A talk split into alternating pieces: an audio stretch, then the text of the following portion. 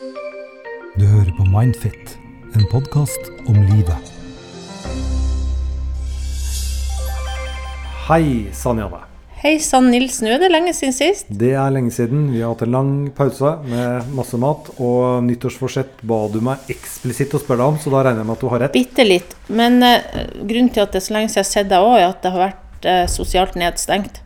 Uh, og jeg har ikke Jeg har begrensa, og det har jo sikkert du òg, begrensa veldig hvem en kan møte, og da sto jo ikke du øverst på lista mi. Nei, det var vel bare at man kunne ha 120 nærkontakter, var det ikke det? Og jeg kom ikke inn der engang. ja. Nei, det endrer seg hele tida. Nei, nyttårsforsett, som jeg sa til deg, eh, kanskje dette er året for å ikke være så ambisiøs. Det gjelder jo nyttårsforsetter uansett. da, At skal nyttårsforsetter eh, gå i mål, så må en jo bruke tid på forberedelse. Eh, tenke seg om, ikke sette så store mål. Og jeg tror det er lurt å, i hvert fall hvis en setter seg store mål, sette seg delmål. Og det å holde motivasjonen oppe. Så, så, så faktisk det er folk som hopper rett i og skal gjøre nye endringer, det kan ofte gå feil. For at Kommer det et forsett her en gang, eller? Min forsett er bare å overleve 2021. Frem til denne pandemien roer seg litt ned, sånn at alle som ringer meg, som ikke får hjelp eh, ja, altså Jeg frykt, ser jo veldig mange som ikke har det bra nå. Før jeg har et oppfølgingsspørsmål eh, der, så skal jeg bare si at vi har to spørsmål som vanlig. Ja. Eh, Det ene spørsmålet handler om eh, sex, manglende sex og samliv. Og det handler også om PTSD og vold fra eldre søsken. Ja. Men hvis jeg hadde kjent noen som sa hva er ditt nyttårsforsett? Jo, mitt nyttårsforsett er å overleve dette året. Så hadde jeg tenkt ok, det var veldig defensivt øh, og litt deprimert, liksom. Nei, nei, nei. Det er jo faktisk et realistisk mål. Ok, Så verden er mørk, med andre ord. Ja, men jeg tenker det fin altså, her må en ikke tenke Kanskje litt av utfordringen nå, og ikke tenke så langt frem, og ikke tenke så mye. Og se de lyspunktene som er der. Så det gjør jo jeg òg. Prøve. Ja, Da tror jeg faktisk at jeg er litt lettere til sinns enn deg. Og selv om jeg har da en stor bandasje på min venstre ja, arm som du ikke har spurt meg om, og det syns jeg er ganske spesielt. Du har ikke sett meg siden jul. Her kommer jeg med en diger bandasje, og så er det bare totalt uh, ignorering. Det er så mange andre som lider, vet du, Nils, at jeg la ikke merke til den svære gipsen på hånda di. Det jeg gjorde, var Jeg fikk en kjele med kokende vann over uh, armen, og all huden har forsvunnet i sånne pingpongbobler. Og jeg har to til tre måneder eh, før jeg kan hoppe ut i et hav igjen. Stakkars deg, Nils. Du For du er jo veldig glad i å hoppe i hav. Ja. Men i varme strøk. Padle og sånn. Ja, du Ja. er jo det. Så sånn var det. Men, Men- takk for at du spurte. Det, det skal Jeg jeg, spurte, bare og det skal jeg ha. Jeg spurte i stad i inngangsdøra. Altså Hvis du, ditt nyttårsforsett er å overleve, så skjønner jeg at ikke du har tid til å bry deg om andre. ja. Men ok, vi skal snart Nei, nå nå i gang. vi slutte å- skal slutte nok å- tull. Nok tull. Vi kan bare nevne at dette er program nummer 94, og at da skjedde det OL på Lillehammer. Det husker vi Eh, godt. Det husker vi godt med Håkon og et eller annet. Jeg husker ikke det så godt, jeg. Så vi, vi glemmer Håkon og. Kristin. Håkon og Kristin var det. Men du var der. Nei. Det var jeg. eh, Men jeg var mest på sånne gratissletter og sto. Vi hadde ikke så mye billetter. Det var veldig rift om billettene. Og så var det fryktelig kaldt. Ja, jeg eh, så ikke på TV og i den eneste konkurranse, og jeg kunne ikke falle meg inn å være publikum der. Du er ikke så idrettsinteressert. Ikke sånne snøting. Det syns jeg er litt kjedelig. Da går vi til eh, spørsmålene. Eh, og dette er faktisk eh, et spørsmål fra Det er ikke lenge siden det kom, gitt. 12. januar. Det er hyggelig. Ja. Det første 2021-spørsmålet. Jeg leser. Hei, jeg har vært sammen med min samboer i fem år og nettopp fått et barn. Før jeg ble gravid hadde vi sex annenhver måned i snitt. Hadde det vært opp til meg, hadde vi hatt det hver dag. Jeg kan prøve meg forsiktig, men han unngår meg. Han sier han ofte legger seg med dårlig samvittighet fordi han vet jeg vil ha sex med han, men han har bare ikke lyst. Jeg har prøvd eh, og tatt initiativ undertøy, være åpen om hva som tenner eh, både meg og han osv., men det er ingen respons. Til og med når vi prøvde å få barn, var det ikke snakk om å ha sex mer enn den ene dagen jeg hadde eggløsning. Den følelsen av avvisning gjør fysisk vondt i øyeblikket, og jeg sliter med dette. Sex for meg er en måte å føle meg nær kjæresten min på, men også bare fordi sex i mine øyne er gøy og en måte å holde flørten og spenningene i forholdet. Han har fra starten av sagt at han onanerer sjeldent, da han ikke har det behovet. I det siste har jeg oppdaget at han onanerer ofte. Og han sier at han onanerer et par ganger i uken. Jeg har da i disse årene slått meg til ro med at han eh, er bare ikke en like seksuell person som jeg er. Men nå, når han sier at han faktisk onanerer jevnlig, så kjenner jeg at jeg blir skuffet. Har han alltid gjort det? Eller er det noen som har trigget lysten nå nylig? I så fall hva? Det er ikke meg, da jeg har vært gravid og vi har enda ikke funnet tilbake til hverandre fire måneder etter. Jeg blir såret da jeg har trodd at han bare ikke har særlig drifter, og det viser seg nå at dette ikke er tilfellet. Han er alt jeg vil ha i en mann, bortsett fra kommunikasjon og at vi, er to veldig forskjellige når det kommer til sex. Jeg kommer fra andre forhold som gjør at jeg setter veldig stor pris på den stabiliteten han gir meg, men er det nok for meg? Jeg vil ikke i en alder av 30 være et forhold hvor sex nærmest er ikke-eksisterende. Er gresset noe grønnere på den andre siden? Jente 30. Ja, eh, jeg syns jo det var et veldig fint spørsmål, og, veldig tydelig og direkte òg. Og, jeg tror også mange kan kjenne seg igjen. Eh, det er jo noe med det å si at hvis de ikke kommuniserer så godt heller, så snakker de kanskje ikke om hva som er bakenforliggende årsaker til at de ikke har sex sammen på en måte som gjør henne trygg, hvis du skjønner hva jeg mener.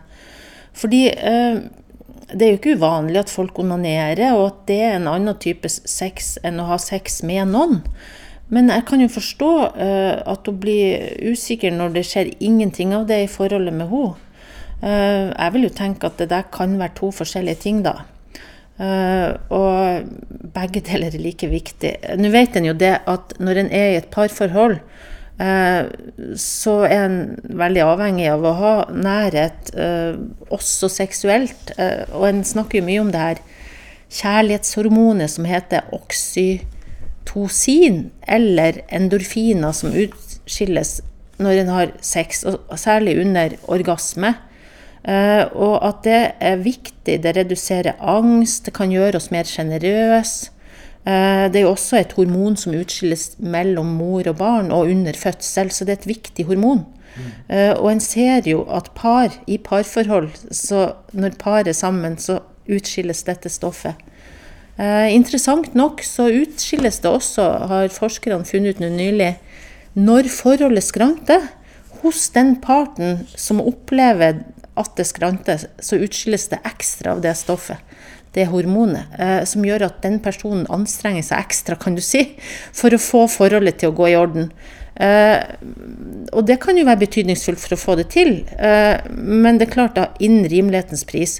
For, for, hva er det som gjør at han ikke, ikke er interessert i, i sex? Altså, er, er, det bare sexen i seg sjøl, eller er det eh, bare et vennskapelig forhold for han, ikke sant? Det er mange muligheter her. Så, eh, som lekmann, da. Du er jo psykologen, det glemte vi også å si for potensielle nye lyttere ja. i 2021. Ja. Um, vi har jo vært innom noen av de samme temaene tidligere. Ja. Uh, og det kan være mangel på kommunikasjon. Det kan være at uh, samboeren din er aseksuell. Det er også fullt lov. Altså, det, altså driftene er forskjellige. Ja. Men det kan også være at han uh, ser mye på porno. Uh, og er nede i den uh, bagen. Uh, hvis han har underkjent hvor ofte han onanerer, det står noe om det der. og da kan det være at man har fått blitt veldig enspora der oppe, som gjør at man kun klarer å ta imot det todimensjonale. og at det, det tredimensjonale og det virkelige er litt sånn skremmende. og er en og, og annen del av seksualiteten. Det er sant nok, tenker jeg, at, at det er ulik form for seksualitet. Uh, og at jeg har hatt tilfeller før, folk som har gått til meg, som har kommet fordi partneren deres ser mye porno, men de, det er ikke noe seksuell kontakt mellom dem. Eller uh, de opplever at partneren ikke er interessert i det. Uh, og det trenger jo ikke bety at partneren ikke ønsker å være sammen med dem. Men det er klart, blir det en veldig stor forskjell på de her to, og hun, sånn som hun føler seg avvist, så er det jo noe med å, å få også prata ut, da. Mm.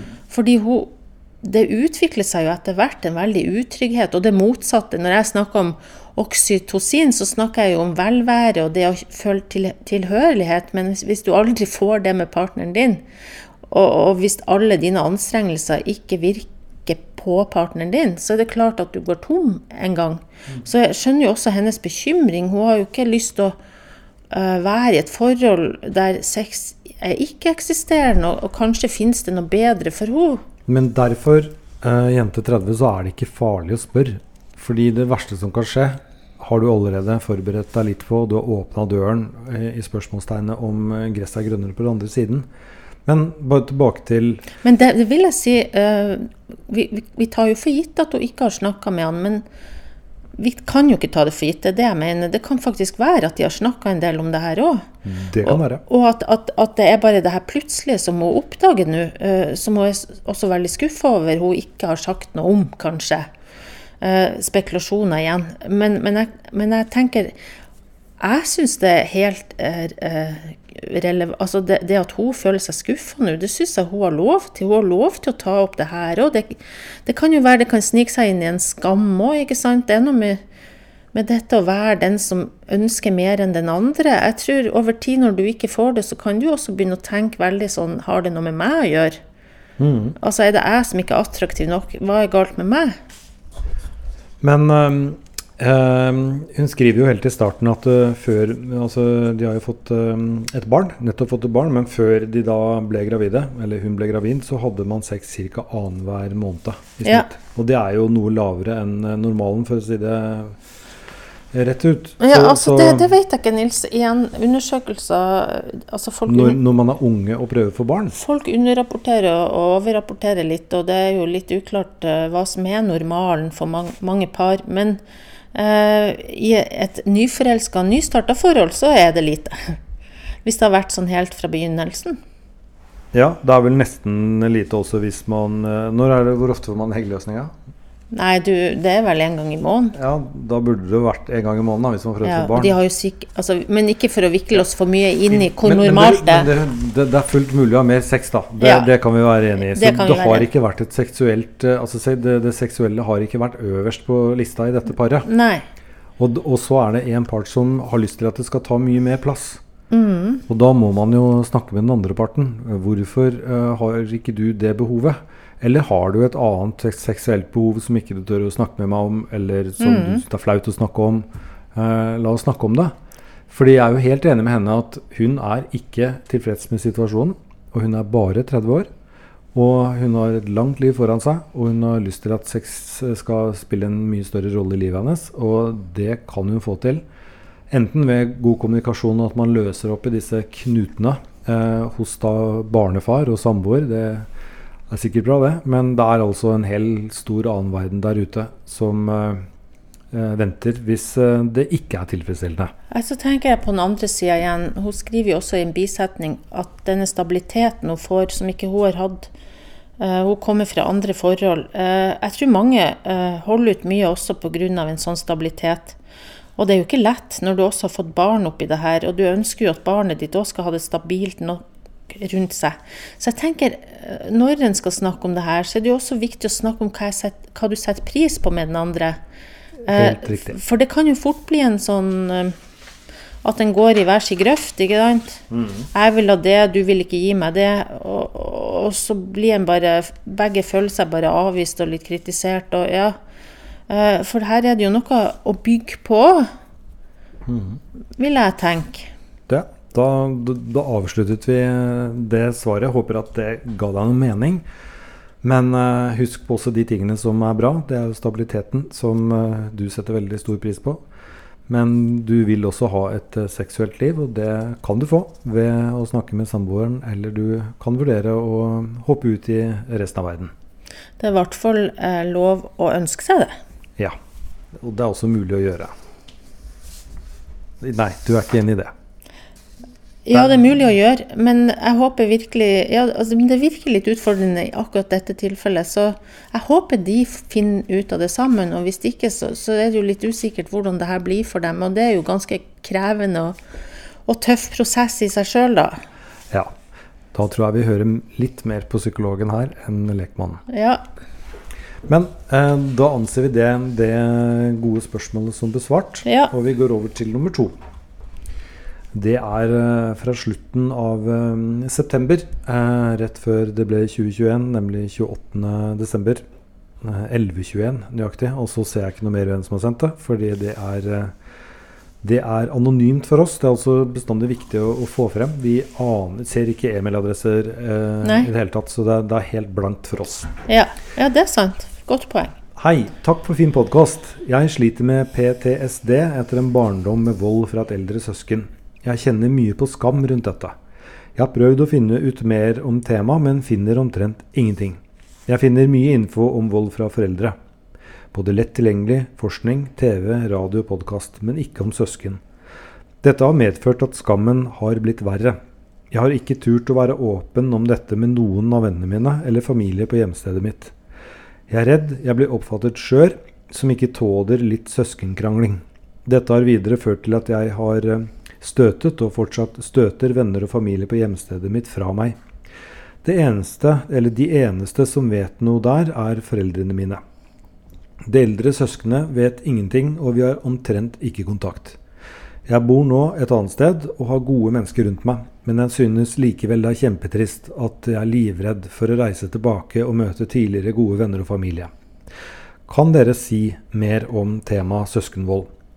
Hvis jeg kan bedre svare på flere spørsmål, hvordan kan jeg kvitte meg med skammen, slutte å støte mine kjære fra meg? Ja, jeg syns eh, For det første, når jeg fikk det her spørsmålet, så tenkte jeg på hvor mange faktisk går til meg som har vært utsatt for søskenvold. Eh, og at jeg tror hun har rett i at det er et forsømt område. Eh, husk på det, det er litt sånn ung historie òg, for at det var først på 1960-tallet at en begynte å ta på alvor vold mot barn. Ti år etterpå begynte hun å ta på alvor vold mot kvinner. Eh, og dette med søskenvold eh, blir kanskje usynliggjort inn i det at søskenrivalisering og søskenkrangel normaliseres mye når en snakker om det, ikke sant? Det, det kan bli som om det rettferdiggjør det, og det gjør også kanskje at det blir veldig sånn at ja, men det er normalt, og det vokser en av seg. Det, det gir en sånn ramme rundt det som gjør at det kan være vanskelig å komme frem og fortelle at en faktisk har vært utsatt for det. Uh, og så tenker jeg det er forskjell her òg. Men uh, mishandling er jo et gjentatt mønster av aggresjon, vil jeg tenke. Og det er jo makt som utøves. Uh, og det er jo noe annet så klart enn en krangel i ny og ne. Men jeg, jeg tror hun har rett i at, at, at reaksjoner fra andre og sånn gjør at en opplever kanskje ikke i kulturen at en får så mye støtte i at dette faktisk foregår. Nei, og nå kan jeg da skyte inn som jeg gjorde et par ganger i fjor. Jeg vet jo ikke om det er en hund eller han, det vet ikke du heller. Men uh, da, da begynner vi å Vi prøver å kalle vedkommende for hen da, når ikke det står spesielt, men eh, det kommer vi ikke til å klare. Så hvis du er en mann, uh, ikke bli lei deg at vi kaller deg en hund. Eh, det, er ikke noe tanke bak det.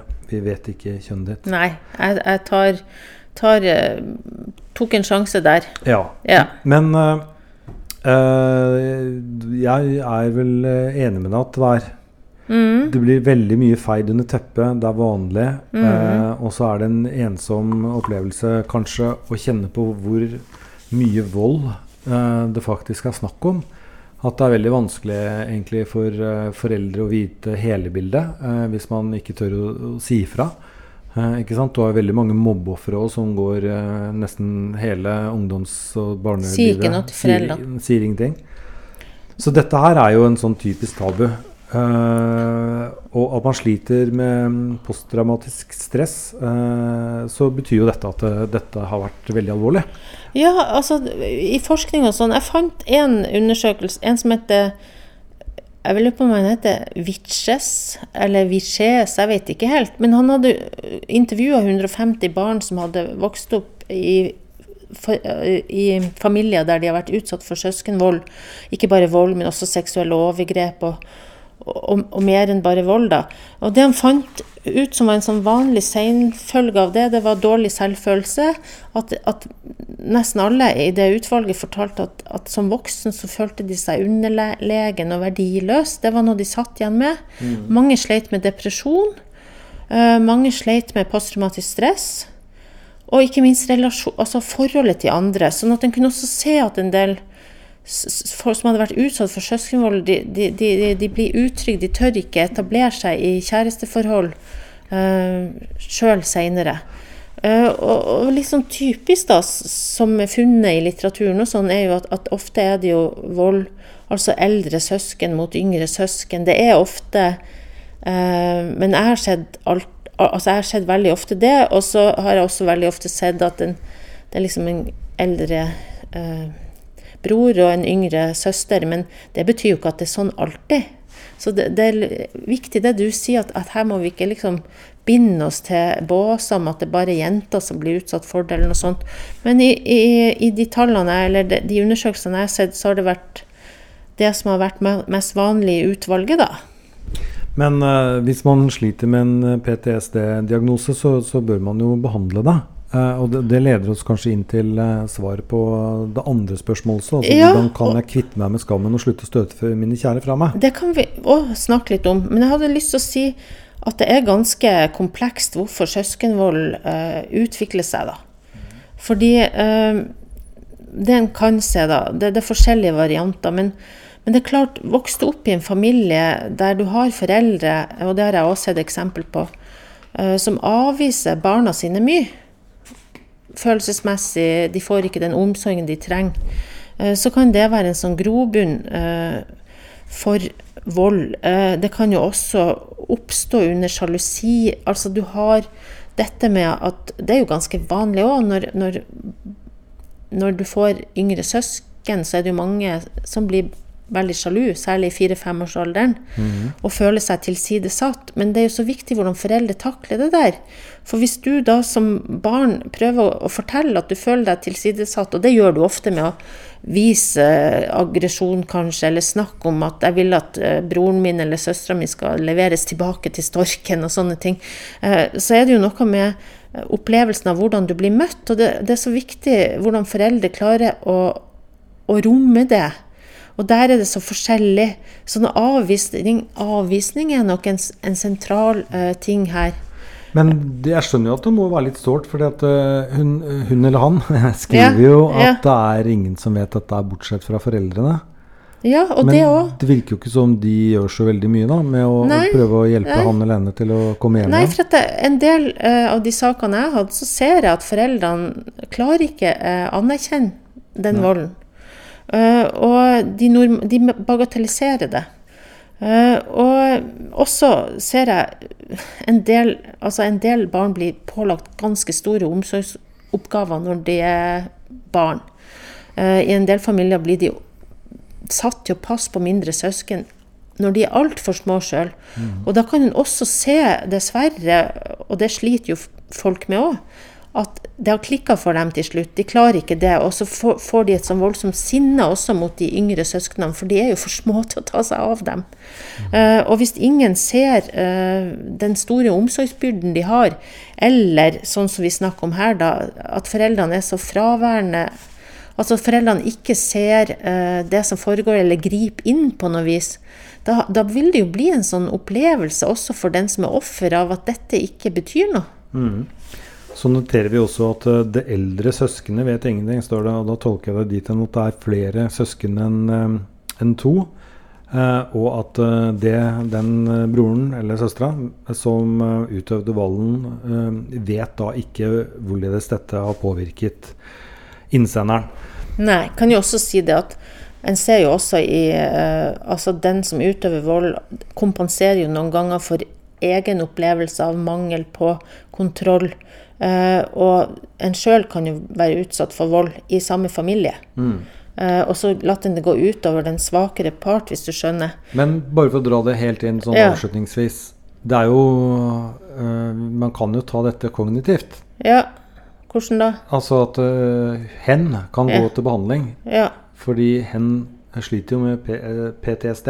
Ja, jeg håper jo Eh, når du har fått, hvis du har fått den diagnosen, så har du sannsynligvis fått det i behandlingsapparatet. Og da har du også sannsynligvis kanskje kommet dit at du får hjelp.